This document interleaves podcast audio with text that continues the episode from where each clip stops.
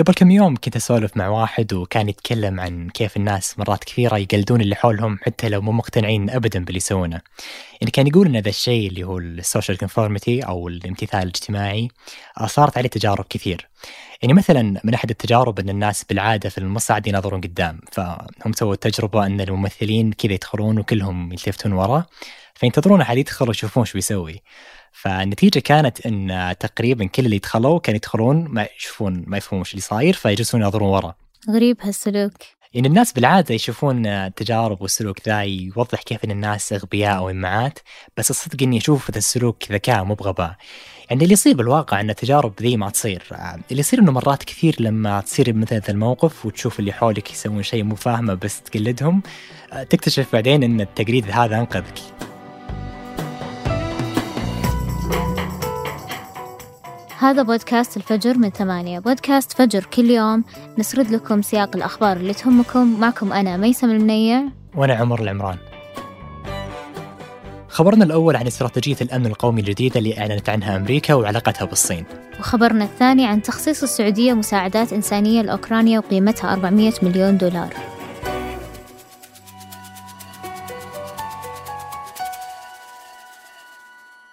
أمريكا أعلنت هالأسبوع عن استراتيجية جديدة للأمن القومي وهي عبارة عن وثيقة مكونة من 48 صفحة تلخص تحديات أمريكا وأولوياتها. أمريكا اعتبرت الصين أكبر التحديات السياسية والاقتصادية اللي تواجهها. ورغم أن الاستراتيجية أكدت أن روسيا دولة شديدة الخطورة إلا أنها قالت أن الصين هي المنافس الوحيد اللي عنده النية والقدرة على إعادة تشكيل النظام العالمي.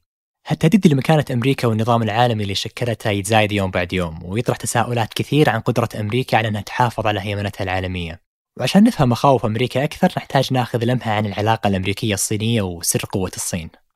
علاقات أمريكا والصين بدأت في 1979 والحين بعد أكثر من 43 سنة العلاقات بين البلدين في أسوأ أوقاتها والسبب هو أن الصين طورت من نفسها بشكل سريع في العقود الماضية إلى ما صارت تمثل تهديد كبير للقوة الأمريكية في العالم وهذا تهديد له ثلاث جوانب فمن الناحية الاقتصادية أمريكا حاليا تملك أكبر اقتصاد في العالم ولكن الصين مع إمكانياتها البشرية الكبيرة وجذبها للشركات العالمية عشان تفتح مصانع عندها ممكن تصير أكبر اقتصاد في العالم في عام 2030 ومن الناحية العسكرية فأمريكا الحين عندها أقوى جيش في العالم. ولكن الصين جالسة تطور من قدراتها العسكرية باستمرار وجيشها الحين بالمرتبة الثالثة في قائمة أقوى جيوش العالم بعد روسيا. وهو لأن الصين ركزت في السنوات اللي راحت على تحديث معداتها العسكرية وزيادة قواتها وتوسيع انتشارها في العالم.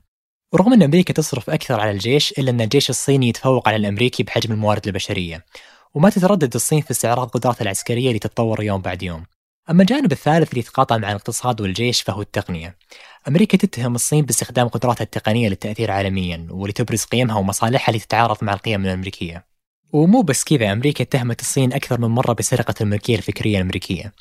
ورغم أن الصين متأخرة في مجال الذكاء الاصطناعي مقارنة بأمريكا إلا أنها مؤخرا بدأت تنافس وصارت تتصدر براءات الاختراع الصادرة عن مؤسسات البحث العامة في هالمجال. لكن بحسب تقرير في صحيفة ناشونال انترست هذا مو معناه أن الصين سرعت من وتيرة البحث والتطوير بقدر ما أنها حفزت أجهزتها على السرقة والتجسس. والصين في الجانب المقابل تنفي هالاتهامات وتنتقد دائما التدخلات الأمريكية في شؤونها. وأمريكا عشان ما تخسر التحدي قدام الصين قالت في استراتيجيتها الجديدة إنها راح تستثمر في كل شيء يعزز القوة والنفوذ الأمريكي وتبني تحالفات عالمية قوية وتقوي جيشها ليكون مؤهل لعصر التنافس بين القوى العظمى. وفي الواقع أمريكا سوت أشياء كثير عشان توقف نمو الصين، منها مثلا قيود على تصدير بعض المواد الصناعية للصين مثل الرقائق الإلكترونية اللي تدخل في كثير من الصناعات. وحضرت بعد تعامل الشركات الأمريكية مع بعض الشركات الصينية الكبيرة زي هواوي. وهالمنافسة بين أمريكا والصين ممكن تمثل تحدي في علاقة الخليج بأمريكا. فدول الخليج تعتبر أمريكا حليف استراتيجي مهم لكن مؤخرا شفنا أن علاقات دول الخليج مع الصين صارت أكثر قوة وتنوع من السابق. فالتبادل الاقتصادي زاد وصار في تنسيق سياسي مستمر وحتى على الصعيد العسكري صار في تعاون خليجي مع الصين. خصوصا ان شراء الأسلحة الصينية صار أسهل وأسرع. هالأشياء خلت أمريكا تتدخل أحيانا عشان تحد من تطور علاقة دول الخليج مع الصين. لكن مثل ما نشوف إن دول الخليج حريصة على أن علاقاتها مع الصين تكون قوية. وهذا يمثل تحدي كبير لأمريكا وأهداف استراتيجيتها الجديدة. رغم أن أمريكا ركزت على المنافسة مع الدول العظمى خصوصا الصين إلا أن في فرص للتعاون بين البلدين. فمستشار الأمن القومي جيك سوليفان طلع وقال أن أمريكا ما تسعى لمواجهة أو حرب باردة جديدة. وفعلا هالشيء أكدت عليه الاستراتيجية الجديدة اللي قالت أن الصين لها دور مركزي في الاقتصاد العالمي والتعاون معها مهم للمساعدة في مواجهة قضايا دولية زي تغير المناخ. وعشان كذا أمريكا يهمها أن تتعايش مع الصين ولكن في الوقت نفسه ما تسمح لها تاخذ موقع أمريكا كقائدة للعالم.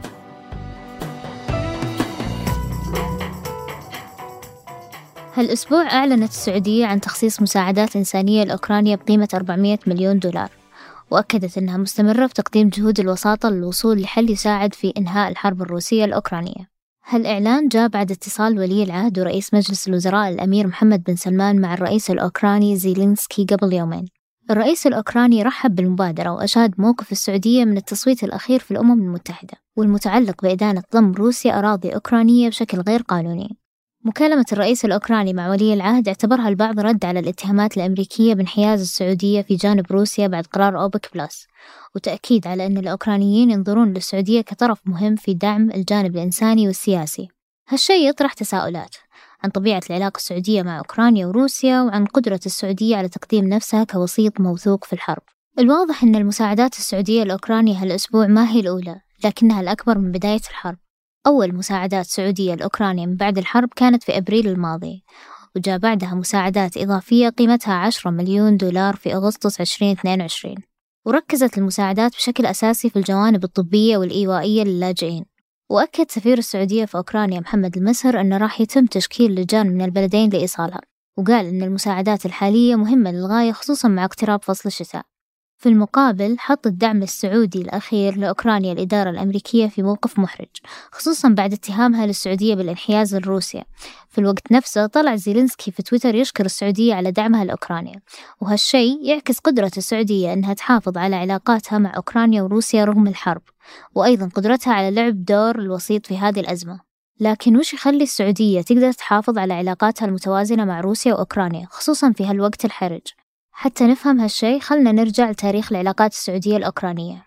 طبعا العلاقات السعودية الأوكرانية بدت رسميا في عام 1996 لكن جذورها ترجع لعام 1992 لما اعترفت السعودية باستقلال أوكرانيا وعينت السعودية أول سفير سعودي لها في كييف في 2009 في السنوات الأخيرة عمل الأوكرانيين زيارات ومحادثات سياسية مع السعودية الشيء اللي ساعد في زيادة التوافق بين الدولتين.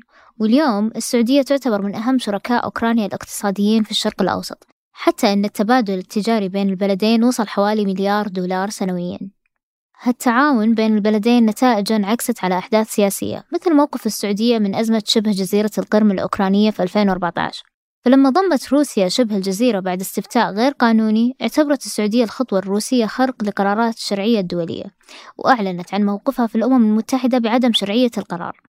هالشي تكرر الأسبوع الماضي لما صوتت السعودية لصالح قرار بالأمم المتحدة يدين ضم روسيا غير القانوني لمناطق أوكرانية وهو الموقف اللي ثمن الرئيس الأوكراني مثل ما ذكرنا في بداية الخبر. هذه الأحداث تعكس أن دعم السعودية لأوكرانيا ما هو جديد وتأكد من جهة ثانية عدم صحة الاتهامات الأمريكية بأن السعودية منحازة لطرف على آخر في الحرب الأوكرانية الروسية. وهو الشيء اللي أكده وزير الدفاع السعودي الأمير خالد بن سلمان لما قال إنه يستغرب اتهام المملكة بالوقوف مع روسيا في حربها ضد أوكرانيا. وتعليقه كان إشارة لتغريدة الرئيس الأوكراني اللي شكر فيها السعودية على حزمة المساعدات. وفي الوقت اللي تقدر فيه السعودية إنها تتواصل بشكل فعال مع أوكرانيا وقت الحرب تربطها أيضا علاقات وثيقة بروسيا. ترجع جذور العلاقات السعودية الروسية لفترة الاتحاد السوفيتي لما اعترف الاتحاد السوفيتي بالدولة السعودية تحت حكم الملك عبد العزيز. لكن العلاقات الروسية السعودية شهدت تذبذب في فترة الحرب الباردة وظلت بدون أي تحسن خصوصا بعد انهيار الاتحاد السوفيتي عام 1991 ولما تولى بوتين السلطة في روسيا عام 2000 كان هدفه أن يجعل روسيا وسيط في الشرق الأوسط وركز على بناء علاقات قوية مع السعودية وأصبح أول رئيس روسي يزور الرياض في عام 2007 العلاقات انتعشت مرة ثانية في 2015 لما زار الأمير محمد بن سلمان روسيا وقتها أعلنت السعودية وروسيا فتح صفحة جديدة في العلاقات. ووقعت السعودية مع روسيا عدد من الاتفاقيات في مجالات من بينها الطاقة النووية. وفي 5 أكتوبر 2017 أصبح الملك سلمان أول ملك سعودي يزور موسكو. وقتها أشاد الرئيس الروسي فلاديمير بوتين بالزيارة واعتبرها حدث تاريخي. أما الأمير محمد بن سلمان فوصف العلاقات بين السعودية وروسيا بأنها في أفضل لحظاتها على الإطلاق. السعودية في العقود الماضية قوت علاقاتها مع روسيا وأوكرانيا. ولما بدأت الحرب الروسية الأوكرانية في فبراير الماضي انقسم العالم لطرفين ورفضت السعودية الانحياز لأي طرف والتزمت بموقفها المؤيد لحل سلمي للأزمة. هالشي ساعد أن السعودية تلعب دور الوساطة في وقت لاحق من الحرب.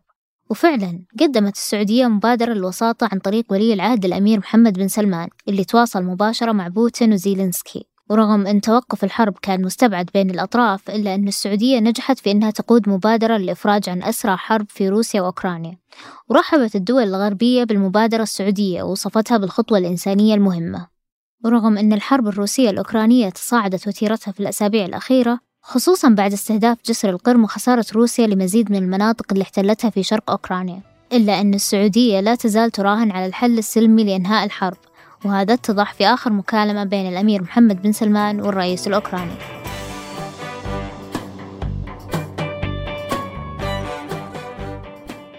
أنتج هذه الحلقة تركي البلوشي وقدمتها أنا ميسم المنيع وأنا عمر العمران. وحررها محمود أبو ندى. نشوفكم بكرة الفجر.